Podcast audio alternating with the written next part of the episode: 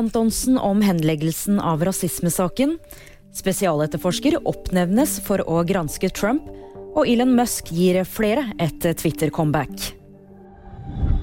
Rasismesaken mot Atle Antonsen er henlagt. Statsadvokaten mener ytringen ikke er kvalifisert krenkende i den sammenhengen den er fremsatt.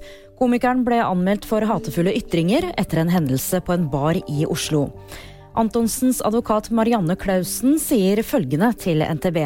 På Atles vegne ønsker jeg å formidle at det han er mest opptatt av nå, er at denne henleggelsen ikke medfører mer ubehag for Sumaya Jirde Ali enn det hun allerede har opplevd. USAs justisminister oppnevner Jack Smith til å overta etterforskningen av Donald Trump.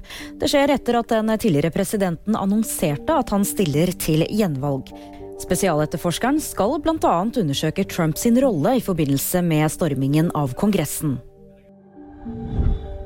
Flere omdiskuterte personer får nå et Twitter-comeback. Komiker Catty Griffin og professor og psykolog Jordan Peterson, som har vært utestengt fra Twitter, får nå komme tilbake. Elon Musk, som nylig kjøpte medieselskapet, skriver at avgjørelsen om å gi Trump tilbake kontoen ikke er tatt. Det var VG nyheter, og de fikk du av meg, Julie Tran.